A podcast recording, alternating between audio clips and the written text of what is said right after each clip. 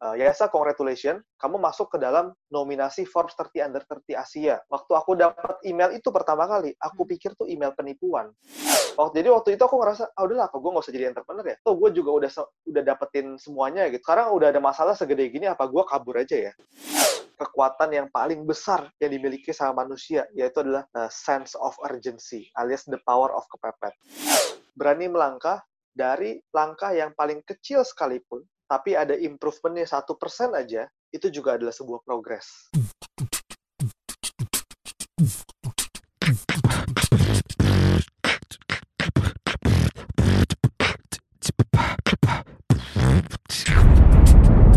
Cuap-cuap cuan.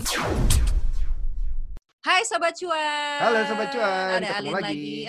Ada Alin, ada Daniel dan kita sekarang sudah bersama dengan salah satu narasumber kita di episode kali ini ya Nil ya. Siapa nih? Mm-mm. Silakan Ada. Yasa Singgi. Jadi Yasa. Singgi ini pasti namanya sudah gak asing lagi Mm-mm. bagi para pendengar dan juga sobat cuan karena tentunya Yasa Singgi beberapa waktu lalu itu menggebrak dunia Mm-mm. milenial itu Mm-mm. dengan menjadi Forbes 30 under 30 Mm-mm, gitu masuk Alin. list itu Mm-mm. gitu ya. Kan kalau misalnya kita tahu gitu Forbes 30 under 30 itu adalah anak-anak muda yang usianya di bawah 30 tahun dan itu sukses gitu ya. Mm-mm. Uangnya banyak itu pasti Mm-mm. kayaknya. Kalau Forbes kan cuan-cuan-cuan gitu ya ukurannya gitu. Nah, tapi kita nih mau ngajak sobat cuan untuk ngobrol sama Yasa dan tahu bagaimana sih gitu hard work-nya Yasa untuk Mm-mm. sampai masuk sampai di listing di Forbes Mm-mm. 30 under 30 itu gitu. Iya. Siapa tahu kan sobat cuan ada yang sekarang lagi merintis usaha juga gitu ya. Ada Hmm. yang lagi semangat-semangatnya atau ada yang lagi agak-agak down justru gitu Mm-mm. karena aduh usaha gue kok nggak apa nggak berhasil berhasil gitu ya. Nah, ini kalau kita lihat perjalanan hidupnya Yasa ini kita tahu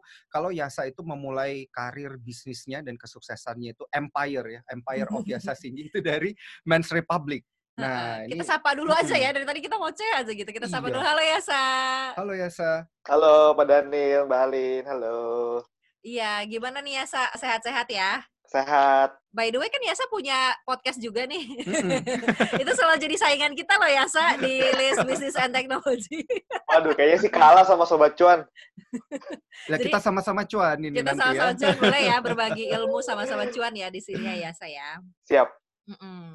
Nah ini kan kalau lagi pandemi gini nih kita banyak sering banyak dengar berita bahwa bisnis lesu ya Iya. kan, terus kemudian juga ekonomi juga begitu gitu ya melambat Mm-mm. gitu. Kalau bisnis retailnya Yasa sendiri gitu Men's Republic nih gimana nih kabarnya di kondisi oke. pandemi ini? Mm-mm. Jadi sekarang kita eh, nama perusahaan kita, nama holdingnya itu adalah Hah? Fortius. Oke. Nah, Fortius itu kita ada beberapa merek di bawahnya. Salah Mhm. satunya Men's Republic, Mm-mm. ada Women's Republic. Lalu juga kita itu Hmm. belum lama ini main ke skincare. Ada Hmm. beberapa skincare yang kita punya. Salah satunya ada Naruko, ada Mhm. Formula of Girl. Jadi kita memang sekarang ini fokusnya itu di bidang lifestyle, produk-produk Oke. lifestyle. Mm-mm. Nah, sekarang ini kan karena lifestyle itu bukan produk yang paling dibutuhkan di masa-masa Mhm. sekarang. Ibaratnya orang nggak gitu mikirin eh, sepatu dulu deh, nggak mikirin Mhm. gaya dulu gitu. Mikirinnya Mhm. kebutuhan-kebutuhan dasar. Pastinya kena besar banget. Dari kita Hmm. bulan ah, Maret, April itu kita juga udah turun jauh banget. Secara sales rasanya lebih dari 80% di awal-awal itu. Wow. Dan tapi sekarang udah mulai sih kita merasa recovery pelan-pelan. Cuma Mhm. memang masa corona ini lumayan kena besar dampaknya ke kita. Hmm. Lumayan betul. bikin sesak napas lah. Sesak nafas ini sepertinya bukan cuma Yasa nih yang mengalami ya. Tentunya bisnis di Indonesia ini juga banyak yang mengalami utamanya di bidang UMKM. Nah, tapi ini menarik Yasa kalau kita melihat terkait dengan bisnisnya Yasa ini kan seperti yang Yasa bilang, ini bukan kebutuhan primer, ini Mm-mm. adalah barang yang dipikirkan kalau perut itu udah kenyang Udah gitu. kenyang gitu, baru gaya gitu ya, baru Iya. lifestyle gitu Nah, ya. ini Yasa ngelihat di tahun 2020 ini apakah ada potensi untuk kembali ini bisnisnya? Karena kan dibilang kuartal 3 kayaknya kita masih akan lesu nih gitu. Kalau Yasa sendiri lihatnya gimana? Oke, kalau Hmm. boleh jujur, rasanya 2020 belum sih. Belum akan Hmm. kembali seperti Hmm. semula. Uh, rasanya semua akan kembali seperti semula pada saat vaksinnya udah mulai didistribusikan dan Hmm. semua orang sudah mulai mendapatkan vaksinnya, mungkin akan kembali seperti Mm-mm. semula. Mm-mm. rasanya kalau uh, dengan kondisi yang saat ini, rasanya belum. Karena pertama, kita di sepatu itu lumayan kena kan karena banyak banget orang yang mulai work from home. Mm-mm. Mulai PSBB, Mm-mm. Terus kemarin juga uh, Lebaran juga kita nggak dapat momentumnya. Biasa kan. Lebaran tuh malah Iya. Iya. lagi tinggi banget, tapi Lebaran kemarin nggak ada. Lalu di skincare, di skincare Hmm. kita juga sebelumnya itu kita masuknya tuh ke mall. Kita ada banyak Hmm. consignment ke toko-toko di mall. Mm, ke modern store di mall. Tapi kan mall juga sangat turun jauh banget gitu. mm. Bahkan sampai sekarang pun walaupun udah mulai dibuka pelan-pelan, tapi juga trafficnya juga masih sangat rendah. Jadi Hmm. kalau kita sih ngelihatnya, kita prepare sampai akhir tahun, kita merencanakan perusahaan kita itu lagi dalam survival mode. Mm, mm, mm. Hmm. Jadi bukan dalam mode lagi ekspansi, tapi lagi mode survival, mencoba untuk melihat kita punya cash flow ini bisa bertahan berapa lama. Nah, kita beki- kita kira-kira itu pasti sampai vaksin keluar kita baru bisa ekspansi lagi gitu. Karena kita rasa Hmm. kalau saat ini pun kita genjot di marketingnya, kita keluarin biaya besar di marketing.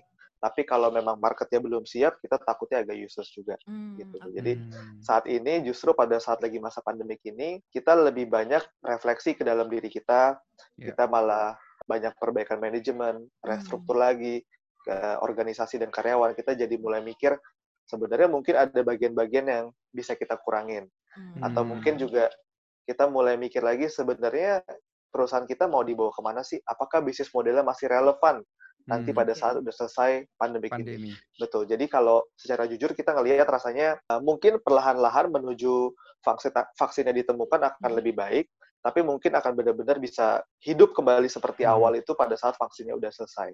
Mm. Hmm. Nah, Strategi survivalnya nih ya berarti ya kan kalau tadi kan efisiensi sempat eh, Yasa sebutkan Mm-mm, gitu ya bahwa dievaluasi lagi nih mana-mana kira-kira yang memang benar-benar kita butuh atau kalau Mm-mm. misalnya yang enggak ya udah gitu ya mungkin dihentikan gitu. Survival mode-nya apa lagi sih Yasa? Oke, menurut saya ada tiga hal yang mungkin perlu dikonsider untuk diganti pada saat lagi masa-masa seperti ini. hmm. Pertama bisa aja ganti rencana. Ganti Mm-mm. rencana tuh bisa aja dalam arti ganti bisnis model. Yang awalnya kita skincare-nya masuknya tuh ke consignment di mall, Mm-mm. mungkin pada saat ini kita ganti rencana, ganti bisnis model, masuknya ke marketplace online aja. Ya. Hmm. Atau yang kedua, ganti orang, ganti manajemen. Hmm. Karena ada yang bisa dipangkas, misalnya eh, awalnya kita punya bagian sales sendiri, bagian marketing sendiri. Mungkin di masa-masa kayak gini, sales marketing jadi satu. Awalnya kita punya bagian eh, GS sendiri, HR sendiri. Mungkin di masa-masa kayak gini, HR sama GA bisa jadi satu. Gitu. Jadi yang pertama ganti rencana, yang kedua ganti orang atau restruktur, restrukturisasi, atau yang paling parah kalau udah bener-bener nggak bisa tolong juga adalah ganti bisnis. Bisnis yang Hmm. lebih relevan itu apa? gitu. Atau Hmm. orang biasa suka bilang bahasa bisnis adalah pivot, mencari produk yang lebih relevan.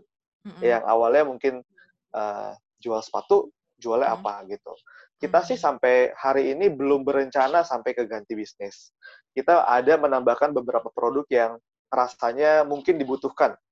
Hmm. Eh, waktu misalnya bulan April kita karena kita di fashion, kita punya banyak akses ke konveksi, kita bikin masker gitu. Hmm. Tapi kita belum sampai eh, berpikir untuk menutup bisnis sepatu, lalu kita ganti ke bisnis kesehatan, ke hand sanitizer atau apa itu belum.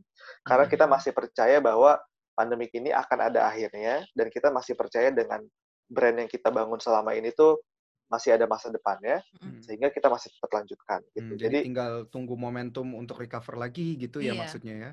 benar. Jadi Hmm. eh, sekarang sih yang kita lakukan ini baru dua. Kita ganti rencana sama ganti orang. Kita restruktur Hmm. restrukturisasi orang-orangnya sama organisasinya menjadi lebih ramping. Nah ini Hmm. Yasa, gue tuh sebenarnya penasaran banget ini di umur Yasa yang semuda ini ya. Berapa Kan sih kita sekarang ceritanya kalau udah tahu? tua nih. ya berapa sih Yasa umurnya sekarang? sekarang saat Aku ini. tahun ini 25. Tuh, Waduh. gila. Jadi Mengingatkan gak enak. kita, iya, mengingatkan kita akan masa-masa muda. Beda setahun sama gue. Iya, iya, iya. Jadi 40 enak ngomong ini nih. Saya jadi nggak enak ngomong gua lu sama dosen. Eh, Sama kagak, dosen. nggak apa-apa. Dosen Sekarang Yasa ya. jadi dosennya. Yasa gini nih.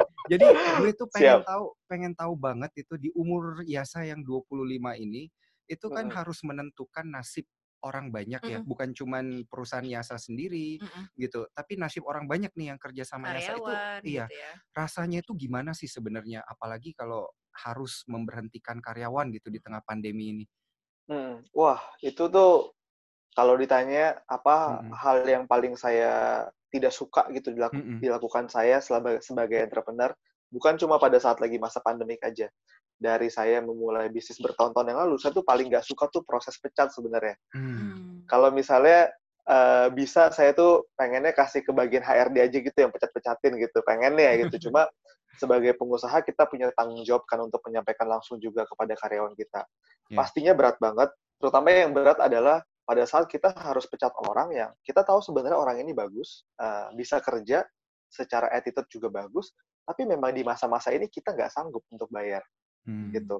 Kita pengen let go mereka, kita ngerasa sayang, kalau misalnya nanti kita butuh lagi, itu ada dilema-dilema seperti Mm-mm. itu, gitu. Mm-mm. Cuma mindset yang harus dibutuhkan, terutama pada saat pandemik ini adalah bukannya menyelamatkan semua orang. Karena kalau kita berusaha menyelamatkan semua orang, takutnya malah tenggelam semuanya gitu. Takutnya Hmm. malah mati semuanya. Maksudnya, misalnya ibaratnya kan kita punya kita kita sebagai nahkoda kapal, kita bawa Hmm. kapal ini pada saat pandemik ini kapalnya udah overweight, udah nggak muat kalau diisi sama 30 karyawan Hmm. kalau kita ber- berusaha men- menyelamatkan 30-30-nya, pilihannya adalah bisa kita selamatkan semuanya, tapi mungkin cuma bisa sanggup dua bulan, tiga bulan ke depan. Hmm.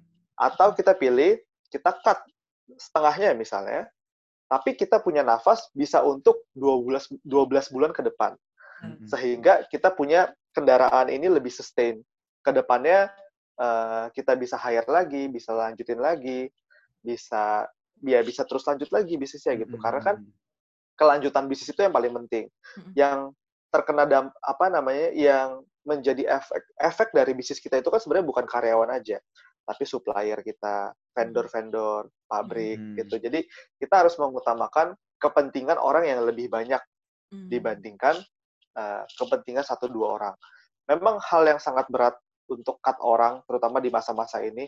Cuma saya per- saya percaya banget bahwa eh, sebagai seorang entrepreneur di masa-masa sulit memang harus mengambil keputusan-keputusan yang sulit juga gitu. Mm-mm. Jadi ya memang harus dijalanin dan harus ya resikonya memang harus seperti itu sih akhirnya. Mm-mm. Mm-mm. Oh gitu ya. Mm-mm. Dari awal saya membangun bisnis, eh, saya membangun budaya pada saat orang masuk ke dalam perusahaan dengan baik-baik, keluarnya juga baik-baik. Mm-mm. Jadi eh, bahkan ada banyak cerita-cerita lucu pada saat ini sebelum pandemik, pada saat saya pecat karyawan, dia pulang ke apartemen aja masih saya antrin pakai mobil saya gitu. Oke. Hmm. Terus eh, setiap karyawan yang keluar yang farewell dari kantor pasti biasa ada farewell ya kita makan, Hmm. eh, ngobrol-ngobrol bareng, ada kesan-pesan gitu. Jadi Hmm. saya selalu eh, aku selalu ber- berusaha untuk membangun Hmm. budaya bahwa memecat itu atau mengeluarkan orang itu bukanlah hal yang buruk. Itu yang pengen saya Hmm. tanamin juga. Hmm. Mm. Karena bisa jadi memecat orang itu adalah membuka jalan baru buat orang. Merepurpose Hmm. gitu. Kadang kadang saya pecat orang eh, saya bilangnya gini. Bisa jadi sebenarnya kamu tuh memang gak cocok aja kerja sama saya. Hmm. Mm. Tapi kerja di tempat lain bisa jadi jauh lebih bagus. Mm-mm. Saya pernah pecat satu orang, lalu enam bulan kemudian dia ketemu saya bawain Mm. puding. Dia bilang, "Eh, kok sekarang saya bisnis puding gitu. Oh. Oh, saya bilang, wah bagus nih. Saya bilang, untung lu gue pecat gitu. Kalau enggak lu nggak mulai bisnis tuh. gitu kan. Atau ada juga yang ketemu, saya tanya, eh sekarang di mana? Oh sekarang saya ini pak, manajer di satu perusahaan lain. Wih, Mm-mm. kok eh, apa namanya hokinya jadi bagus nih gitu. Mm-mm. Terus saya- jadi saya suka bilang kadang bercandanya gini. Eh, kita di perusahaan kita di Fortius kita punya satu culture, kita punya satu value namanya embrace the reality. Mm. Jadi kalau emang kita udah ngerasa nggak nyaman, kita udah ngerasa ini udah nggak bisa kerja di sini, kita akan selalu bilang, gue rasa lu udah nggak cocok kerja di sini, eh, below my expectation, gue rasa mulai bulan depan lu cari kerjaan baru lagi aja. Hmm. Nah, pada saat bilang kayak begitu, kita selalu percaya bahwa bisa jadi itu membuka jalan bagi dia. Mhm. Dan saya selalu bilang, bisa jadi sebenarnya lu nggak cocok kerja di sini. Mungkin ya, zodiak lu sama gue nggak cocok. Kayak orang pacaran ya. Ada cocok-cocokan Saya suka bilangnya gitu bercandanya. Atau saya bilang, mungkin lu sama gue feng shui-nya nggak bagus nih. Hmm. Mm. Jadi nggak bisa perform gitu. Hmm. Bukan, bu- kadang emang ada gitu gitu. Ada Iya, yang iya. apa namanya, ya emang nggak cocok aja gitu. Jadi Ah, memecat orang itu saya kasih mindsetnya adalah bukannya menutup pintu rezeki orang, tapi kadang bisa jadi memecat itu adalah merepurpose Mm. membuka eh, apa namanya membuka karir baru buat orang tersebut untuk yang lebih baik. Karena pada saat ada orang yang emang udah nggak perform kerja sama kita, tapi kita tahan-tahan, sebenarnya yang rugi kita sama dia. Mm-mm. Mm. Gaji dia juga nggak bakal naik karena nggak perform terus, Mm-mm. perusahaan juga rugi waktu gitu. Jadi eh, menurut saya pecat itu selama kita melakukan saya punya punya prinsip begini seberat apa pun berita yang mau kita sampaikan kepada karyawan selalu katakan dengan penuh respect Mm-mm. gitu jadi emang kalau kita mau pecat saya nggak pernah pecat itu dengan "Ah, tahu nggak kenapa gue pecat lu ini nih ada 100 list kesalahan lu gitu Hmm. terus kita tembakin satu-satu semua list-listnya nggak gitu gitu ya udah Iya. pecat ya emang selesai gak cocok ya mungkin memang di tempat lain akan lebih bagus gitu Hmm. Nah ini mindset mindset seperti ini nih yang Mm-mm. penting ya. Jadi nggak selamanya kalau kita dapat masalah itu jalan buntu, tapi ternyata itu ada peluang lain ya. Jalan ke arah yang lain gitu ya. eh, Ini membuat membuat gue kembali penasaran lagi nih ya. Sebenarnya belajar mindset mindset kayak gini tuh di mana sih? daripada Daniel dong Waduh. buat apa Selain dulu dari- jadi mahasiswanya Pak selain- Daniel selain dari Daniel ya. nih, Dil. Selain dari Daniel. ayo Eh, ngaku, ayo Yasa ngaku. pertama sih kalau aku ngerasa aku banyak banget juga ngelakuin errornya ya sebenarnya banyak Hmm. banget kesalahan mistake yang dilakukan sehingga learning by doing karena kan aku aku mulai usaha itu pada saat kuliah aku nggak pernah punya pengalaman kerja dulu di kantoran gitu. Hmm. jadi dulu bahkan mau pecat orang aja tuh nggak tahu ini ini, ini pecat orang tuh caranya gimana gitu? Kompensasi Hmm. apa aja? Ngomongnya gimana tuh nggak tahu sama sekali. Harus tanya om Google dulu cara Hmm. pecat orang gitu. Dan banyak banget melakukan kesalahan-kesalahan di dalam perusahaan gitu. Ada yang dulu uh, hire orang tapi nggak bikin kontrak kerja. Oh. ada yang kontrak kerjanya nggak jelas gitu. Jadi jadi banyak banget melakukan kesalahan. Jadi nomor satu sih mungkin aku belajar dari kesalahan yang pernah yang aku lakukan sendiri. Mm-mm. Yang kedua ya aku suka banget baca buku ikut training workshop seminar nontonin uh, YouTube YouTube ya TED Talk nontonin Mm-mm. apa pun deh banyak banget aku jadi aku sangat sangat suka baca buku dan belajar di luar di luar ini sih di luar pendidikan formal situ Oke oke. Nah ini Yasa kan berarti sekarang umurnya 25 nih Nil. Hmm. Berarti itu yang masuk list 30 under 30 itu lima tahun yang lalu ya 2015 ya bener nggak sih? Apa? Eh, 2016 oh 2016. Tahu ya, tahun itu umur 21 Umurnya? tapi belum Hmm. belum ulang tahun jadi waktu itu 20. 20. Oh umur 20. Wow. itu Umur gimana sih 20? umur 20 terus udah masuk list ini? Karena kan ini biasanya anak pengusaha kaya gitu ya Mm-mm. biasanya ya atau kayak yang udah wah gimana gitu dan paling-paling kayak umur 2 mendekati 30 gitu. Ini berarti dia 20 early Mm-mm. 20. Iya, ini itu gimana ketika itu ya perasaannya ketika itu gitu masuk list Forbes 30 under 30 itu gimana? Hmm, hmm. Iya, waktu itu aku baru semester 4 kali ya, semester 4 kuliah waktu itu. Eh, umurnya waktu itu tahun 2016 itu baru mau masuk ke 21. Waktu itu eh, jalanin Men's Republic aja, waktu itu belum ada skincare. Itu juga baru jalan 2 tahun kayaknya. Hmm. baru jalan dua tahun gitu. Jadi waktu itu sama sekali nggak menyangka bahwa akan bisa masuk ke sana. Apalagi juga uh, yang menjadi spesial banget itu itu masuknya ke Forbes Asia. Mm-mm. dan itu adalah pertama kalinya Forbes Asia bikin program 30 under 30. Hmm.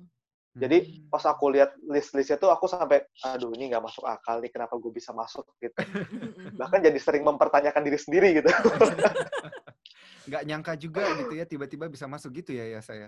Gak nyangka karena yang waktu itu list bareng sama aku tuh ada ada Gojek, ada Traveloka gitu yang sangat nggak mungkin bisa dibandingkan sama Men's Hmm. Republic gitu. Jadi eh, bahkan pas pertama kali aku diumumin, eh, jadi waktu itu aku nggak apply apa-apa, nggak daftar apa-apa, tiba-tiba dihubungin langsung sama Forbes Asia, Hmm. dia bilang, eh, Yasa, congratulations, kamu masuk ke dalam nominasi Forbes 30 Under 30 Asia.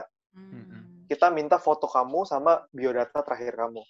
Waktu aku dapat email itu pertama kali, aku Hmm. pikir tuh email penipuan. oh gitu. Jadi itu emailnya aku delete, Oke. Hmm. nggak aku bales. Heeh. Karena aku pikir, ah nggak mungkin deh, nggak mungkin gue bisa, nggak mungkin masuk nih. Karena kan dulu suka ada ya email-email penipuan nih, Iya, selamat iya. kamu dapat Heeh. apa gitu. Mm-mm. Aku pikir ini bohongan gitu. Tapi setelah beberapa hari kemudian aku baca lagi emailnya itu di di junk, di, di bagian trash Mhm. di email. Eh, dia nggak minta duit apa-apa sih. Ya udahlah, nothing tulus aja gitu. Oke. Dia nggak minta duit, nggak Jadi minta nomor kartu Nggak ada kredit, modus gitu ya.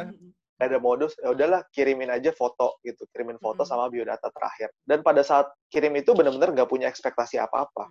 Itu. ini ini bukannya cerita supaya kelihatannya drama nih, nggak nggak kira apa-apa, tapi emang bener-bener yakin banget ini eh ya bukan hal yang serius lah gitu Mm-mm, intinya.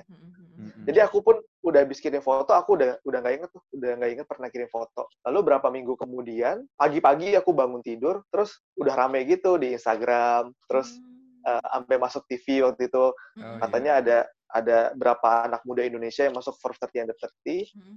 dan aku masuk ke dalam eh, bagian retail dan e-commerce Hmm. dan menjadi rekor anak-anak eh, yang paling muda dapat eh, yang usianya paling muda dapat Forbes 30 Under 30 di bidang retail dan e-commerce gitu. Jadi pada Oke. saat itu ya aku ngerasa apa sih dua dua sih dua yang aku rasain yang pertama pastinya ada perasaan happy bangga Hmm. tapi yang aku rasain juga adalah ngerasa beban Hmm. ngerasa gue pantas gak sih ini ada di sini? gitu. Suka lah mempertanyakan itu gitu. Eh, cuma ya udah akhirnya aku bersyukur mendapatkan hal itu dan aku menjadikan itu lebih ke tanggung jawab aja tanggung jawab bahwa eh, pengingat lebih ke reminder juga buat diri sendiri oh oke berarti eh, orang lain mengapresiasi kita kita juga harus bisa memberikan eh, bukti nih kalau kita memang juga ada ada pencapaiannya Hmm. gitu.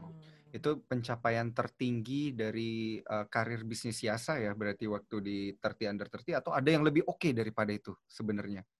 Hmm, waduh, pencapaian ya. Iya. Kalau memang secara secara penghargaan mungkin itu yang paling prestis ya. Mm-mm. Dan itu yang itu yang lumayan lumayan life changing lah gitu. Hmm. Karena sebelum itu nggak ada yang tahu Yasa. Setelah di- diliput sama Forbes Asia, baru tuh jadi terkenal lah gitu kan.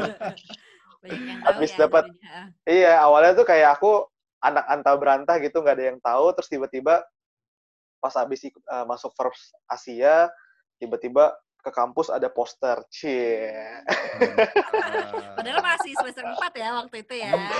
Kuliah loh terus- Yasa waktu itu. Terus jadi banyak eh, apa namanya media yang meliput. Mhm. Jadi memang itu sangat eh, mengubah banget. Cuma kalau aku sih kalau aku ditanya apa sih prestasi terbesar dalam mulai bisnis, aku sih selalu bilang prestasi terbesar dalam bisnis adalah hal yang aku cita-citakan dan itu udah tercapai.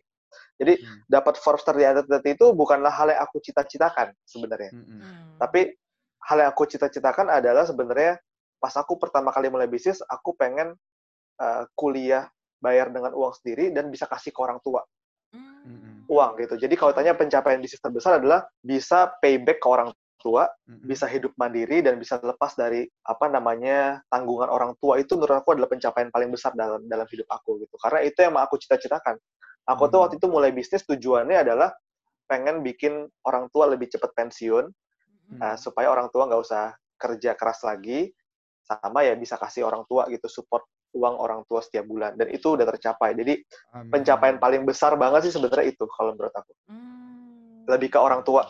Gitu ya sobat cuan ya ternyata nya motivasinya Yasa itu nggak jauh-jauh dari keluarganya ya gitu supaya bisa membuat papa mamanya bahagia. Nah kalau kita lihat dari titik tertinggi tadi itu kan the highest point yang Yasa bilang tadi in contrary kebalikannya The gimana? lowest Uh-uh. point-nya What is the lowest point Uh-uh. in your business career? selama perjalanannya ya Mm-mm. dari memulai gitu kemudian menjalankan dan sampai sekarang gitu.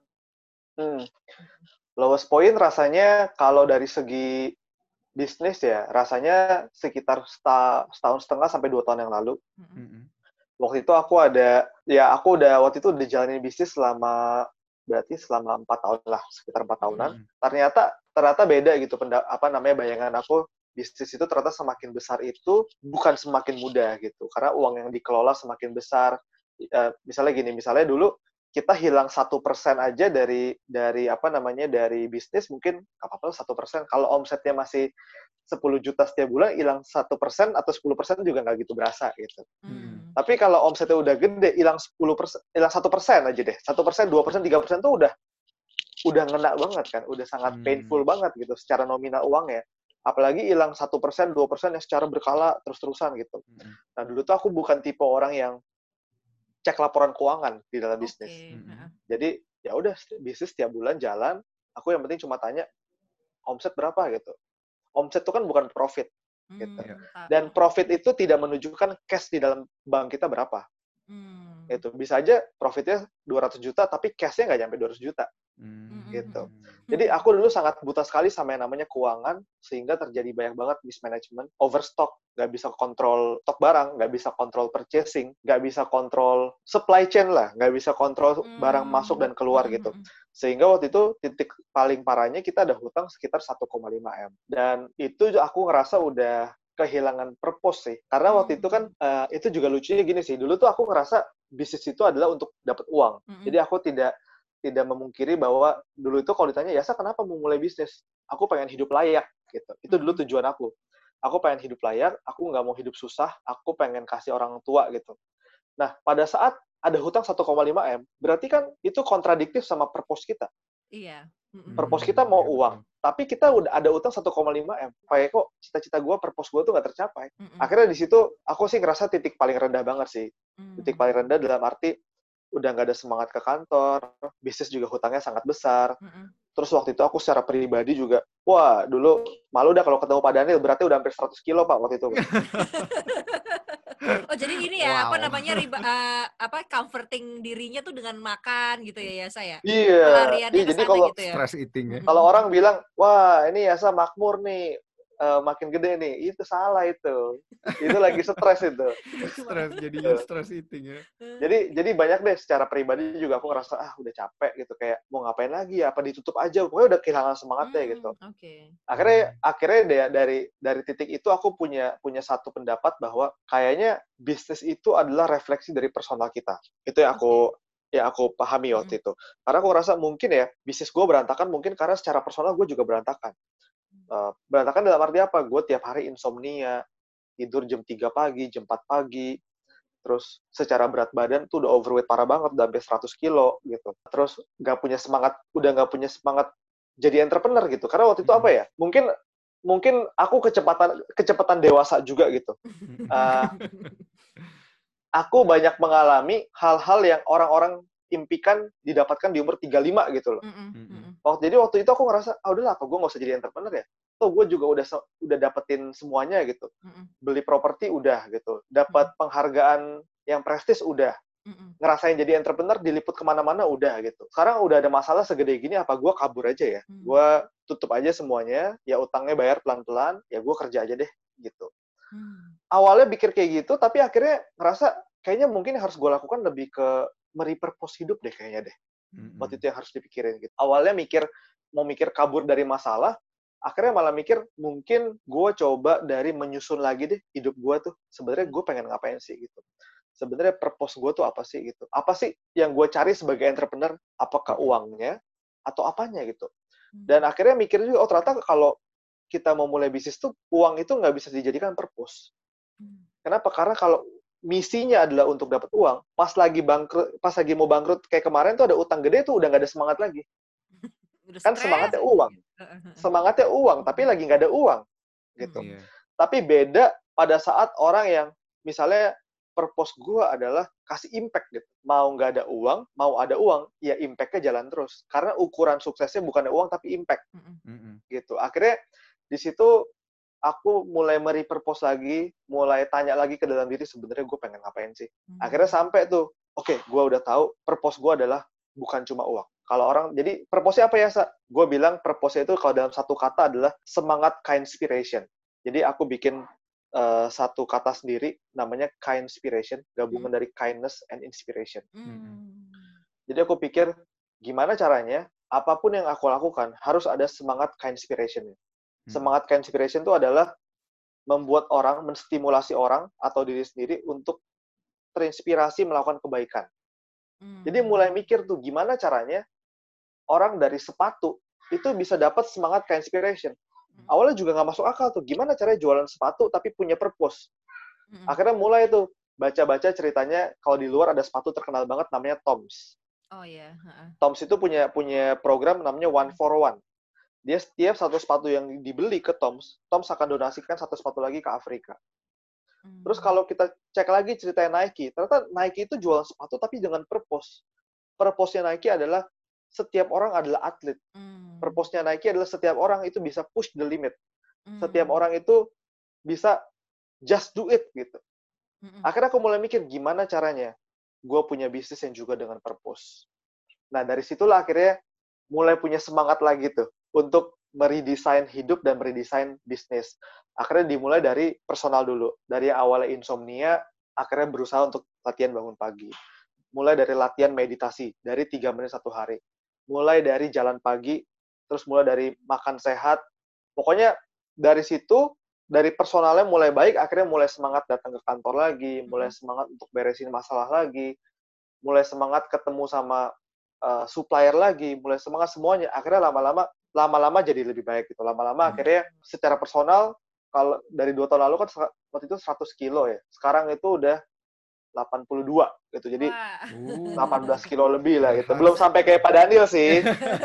Emang targetnya targetnya kayak Daniel nih. iya dong. gitu. Terus yang awalnya insomnia akhirnya bisa tidur tepat waktu, uh, sekarang bisa rutin bangun di sekitar jam 5 jam 6 pagi terus mulai semangat dari situ akhirnya mulai semangat datang ke kantor akhirnya hutangnya kembali ke rasio normal akhirnya udah selama dari dari dari pengalaman dua tahun lalu itu pelan-pelan bisa mengubah gitu. Jadi ya gitu deh ceritanya, cerita hmm. titik terendahnya. Jadi benar-benar harus merapihkan kehidupan sendiri dulu juga gitu ya, ininya hmm. Yasa ya. Nah, tapi dari sini masih ada satu pertanyaan sepertinya yang belum terjawab ini. Sebenarnya utang 1,5 hmm. m itu apakah sudah berhasil dilunasi Yasa apa belum? Jadi kalau ditanya sekarang, apakah yang dua tahun lalu sudah lunas? Dua tahun lalu sudah lunas di 2019. Cuma ya hmm. ya karena kita bisnisnya terus berprogres ya, jadi tetap tetap masih ada sih hmm, hutangnya hmm. gitu. Nah, gimana waktu itu kita ngelunasinnya? Karena waktu itu kita udah semang, udah udah mulai punya semangat lagi jalanin bisnis. Waktu itu aku akhirnya mulai datang ke kantor lagi, meeting sama sama semua karyawan tiap pagi hmm Ya akhirnya ketemu ketemu dengan sendiri ya si jalannya ya gitu. Mm-hmm. Ya mungkin simpelnya sih waktu itu kita lakukan kita fokus untuk bukan mendapatkan profit yang banyak tapi nggak apa-apa deh kita dapat barangnya ini yang penting nutup dulu balik modal terus yang penting kita bisa bayar ke supplier gitu. Terus Jadi juga kita sampai bikin jualan aset gitu ya ya saya. Enggak sih karena kita itu waktu itu hutangnya itu bukannya hutang ke bank ataupun hutang yang konsumtif.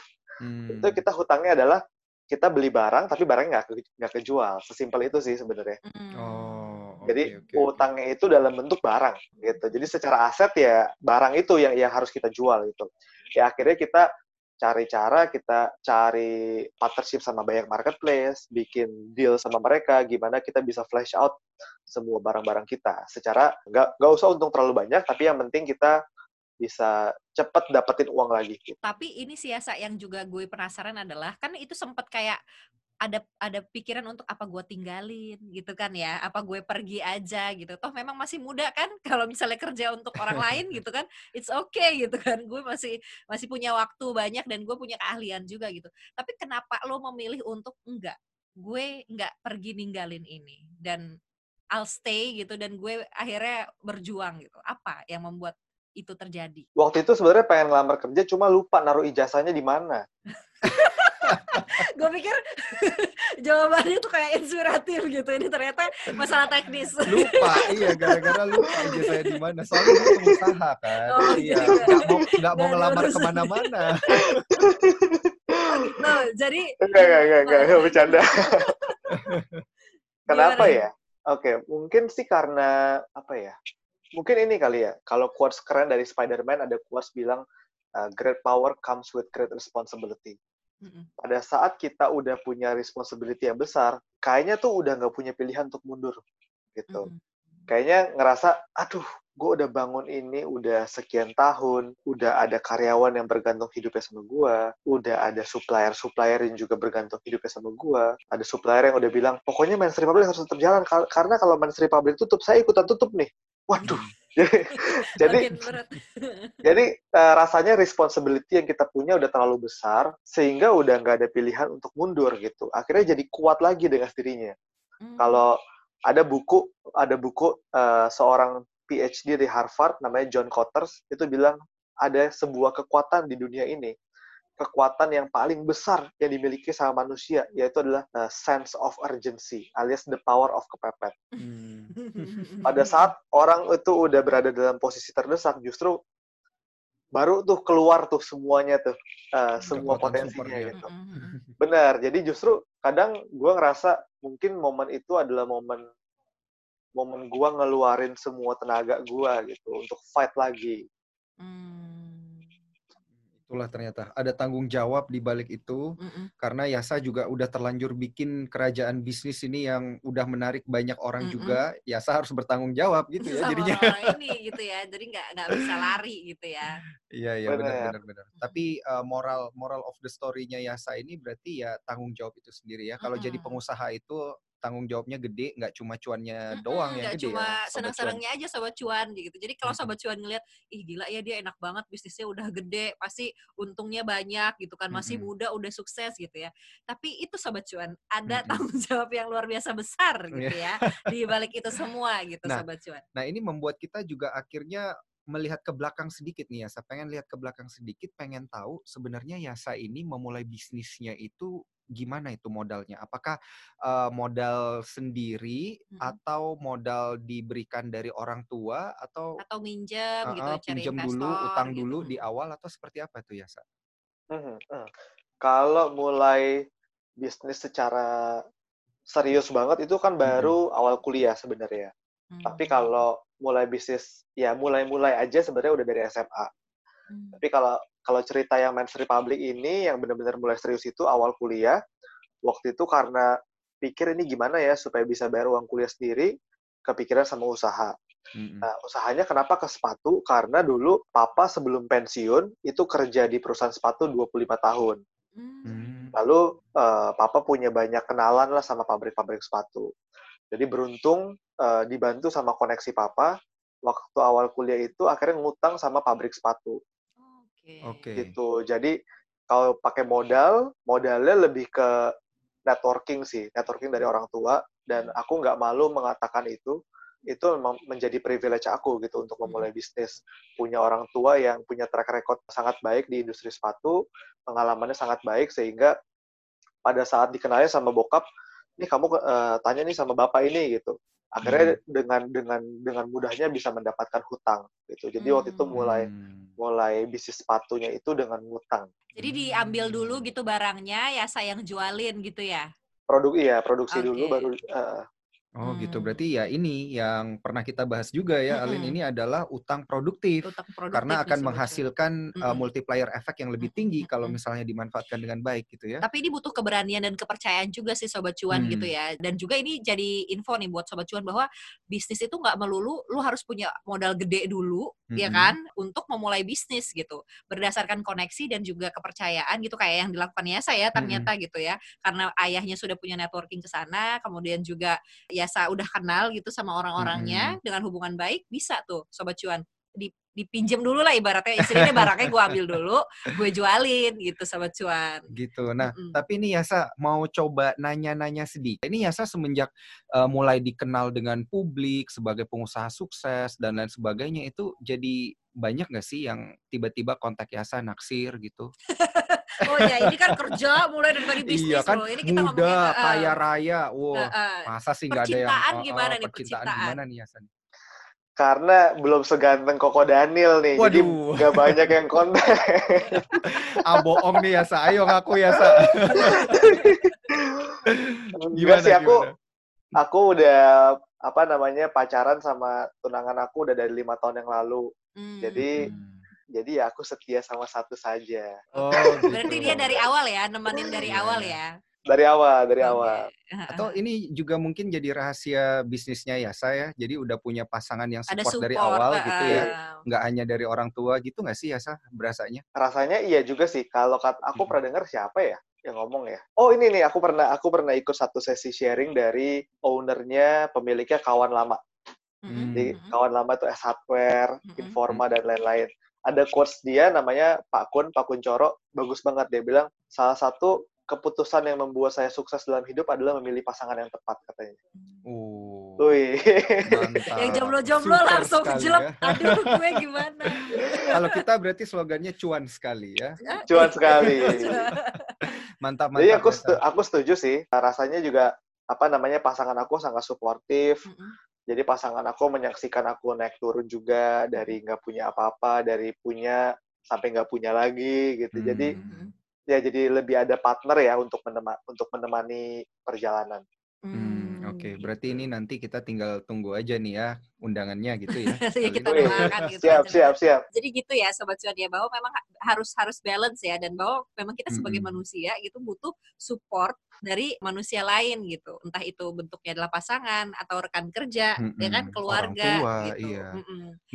Selanjutnya nih Yasa pengen tahu nih kan Yasa juga tadi sempat menyinggung bahwa eh, Yasa itu udah punya properti, Mm-mm. bisnis udah punya, keluarga semua sehat-sehat, pasangan tinggal tunggu waktu ya ini Mm-mm. tanggal mainnya kapan gitu.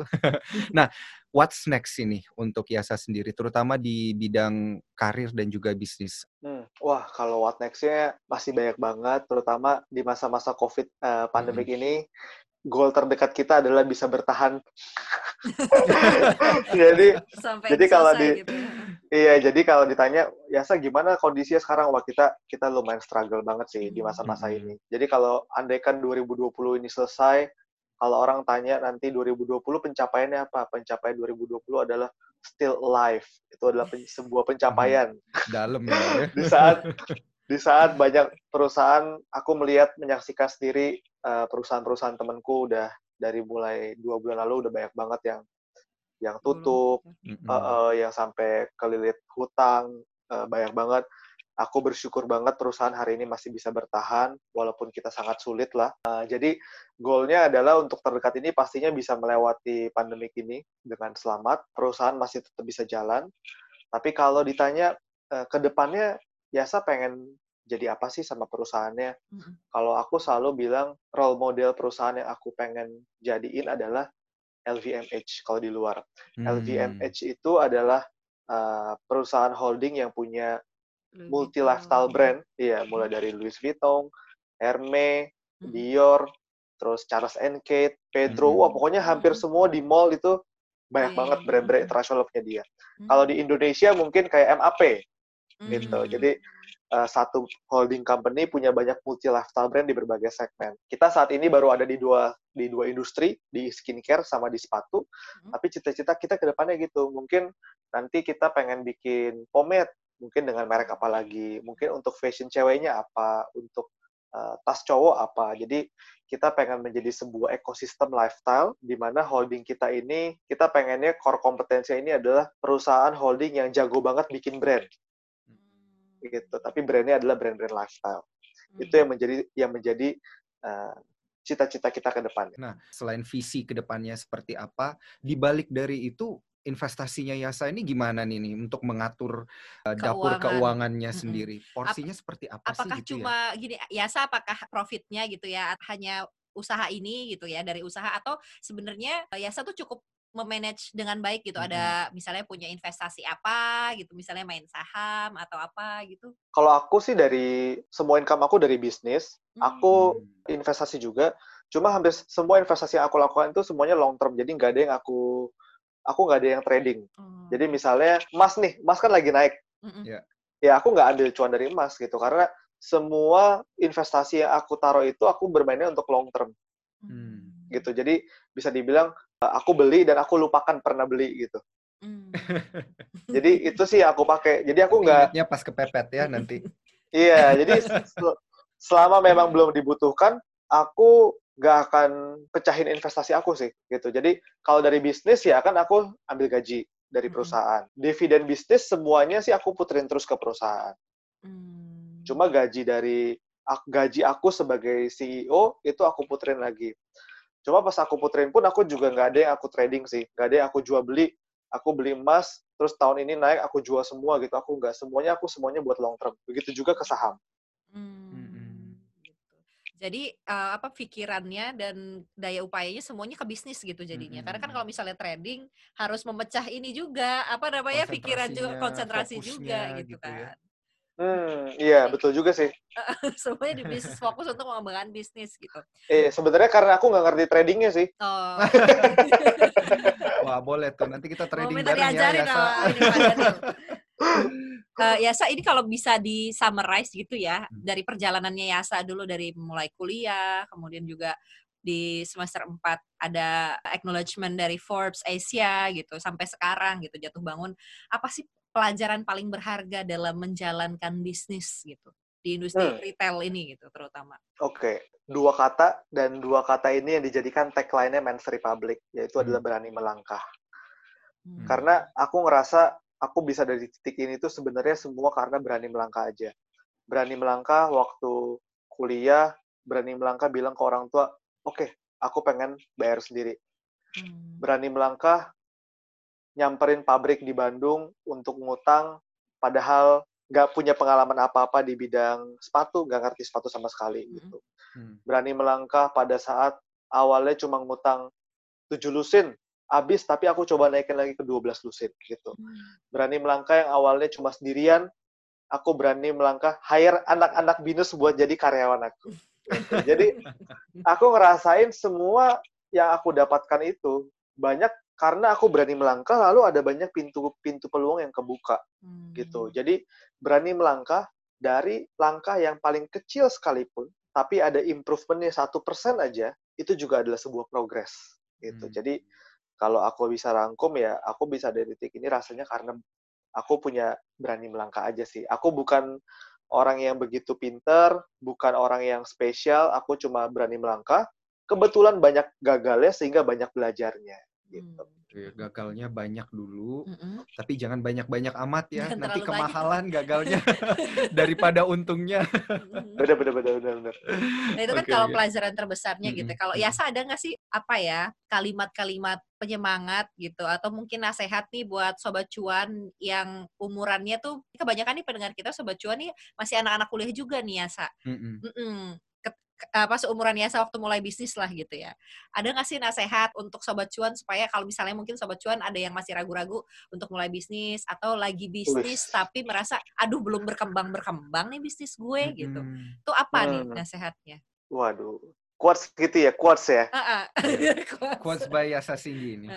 Quotesnya ini, seberat-beratnya pekerjaan akan terasa ringan jika tidak dikerjakan. Jadi jangan dikerjain gitu. iya, nggak dikerjain, nggak cuan dong. Apa ya nasihatnya? Ini bagian yang tersulit bagi Yasa nih kayaknya nih.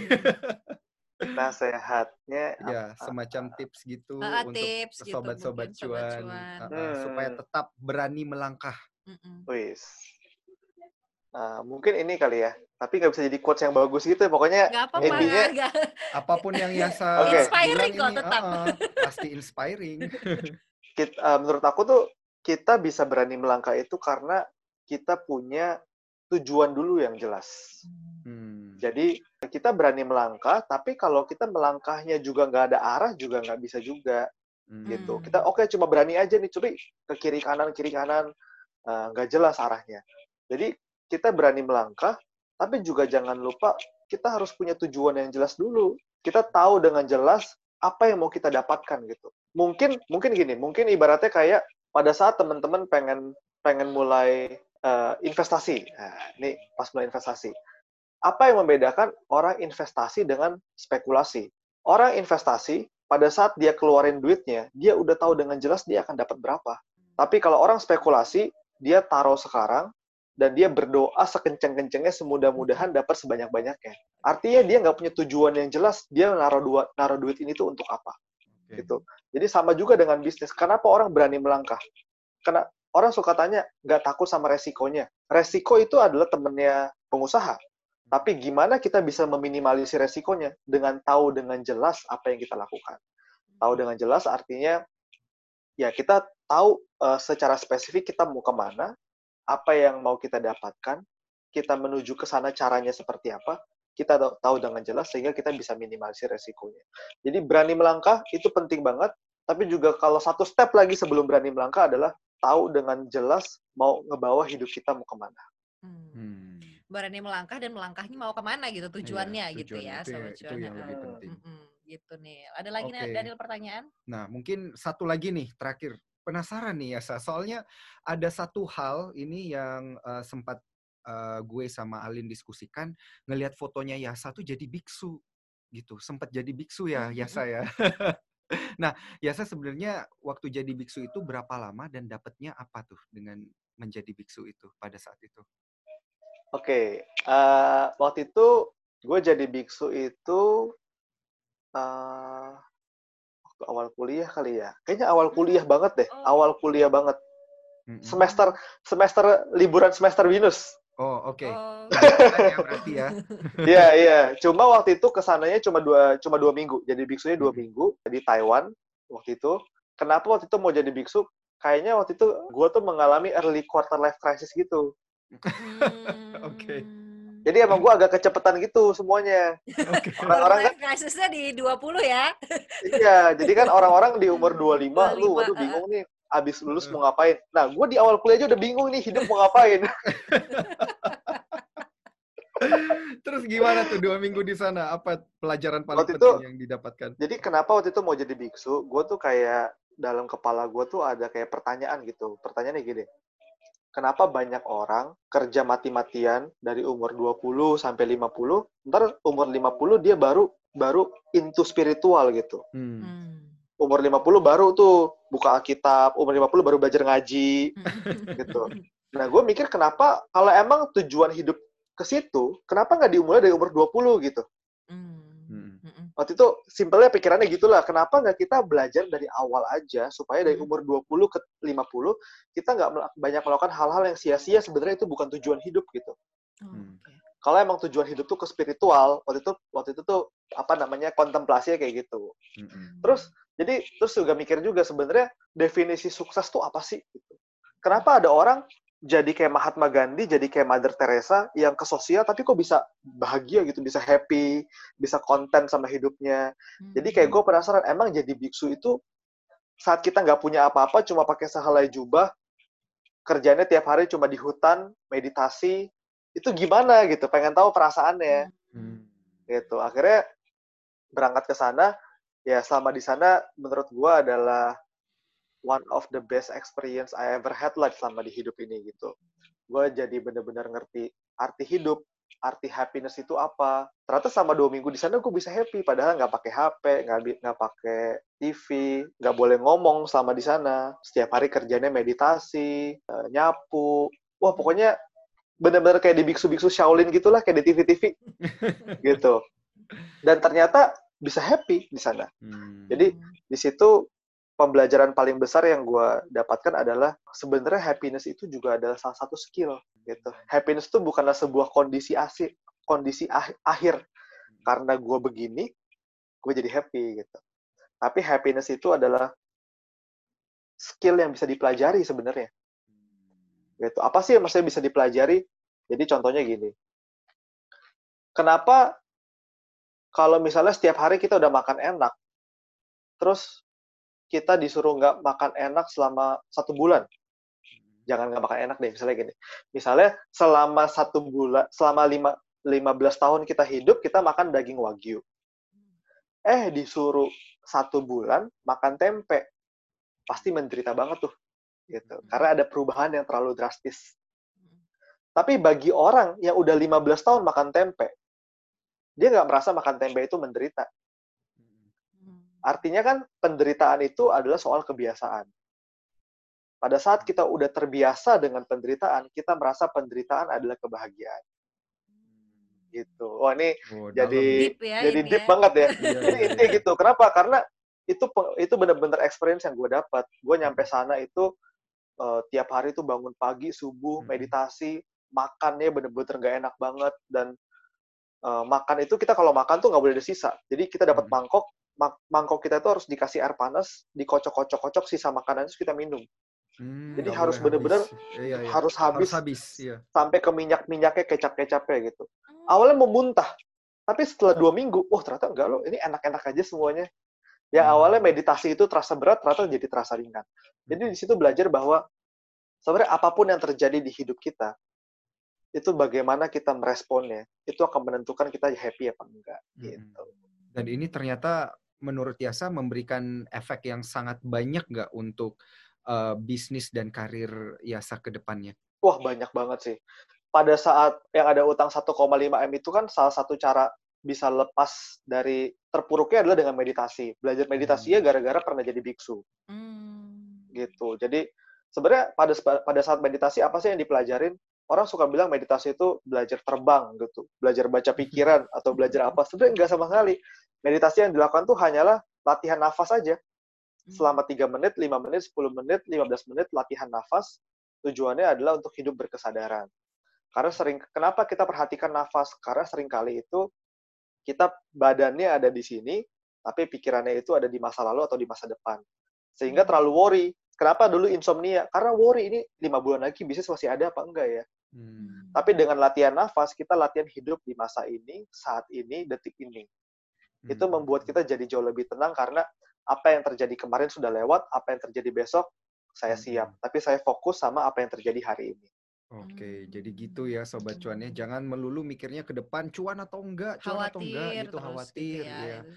Tapi harus mikirin juga sekarang apakah sudah happy belum, udah bener Mm-mm, belum gitu ya mm-mm. investasinya, menentukan instrumennya gitu Sudah ya. hidup dengan berkesadaran Ah, ah, belum udah gitu sadar ya. belum milih- gitu. Milih Heeh. instrumen yang mana gitu kan ini yang paling penting. Heeh, dan menentukan tujuannya gitu ya, arahnya mau ke mana gitu sobat cuan. Ini Iya. perbincangan kita sama Yasa ya yang masih 25 tahun. Mm-mm. Mungkin kalau sobat cuan yang 25 tahun nih masih mikir gitu ya, Iya. aduh gua resign enggak nih dari Iya. perusahaan gitu atau gua mulai enggak nih untuk usaha Mm-mm. atau galau, aduh kok dia nggak bales chat gue gitu ya. Sobat cuan kurang-kurangin. Belajarlah dari Yasa Singgi gitu. Gue nggak berasa ngomong sama orang umur 25 Iya. ini. Jadi kita Yakin lu banyak nih umurnya 25? kita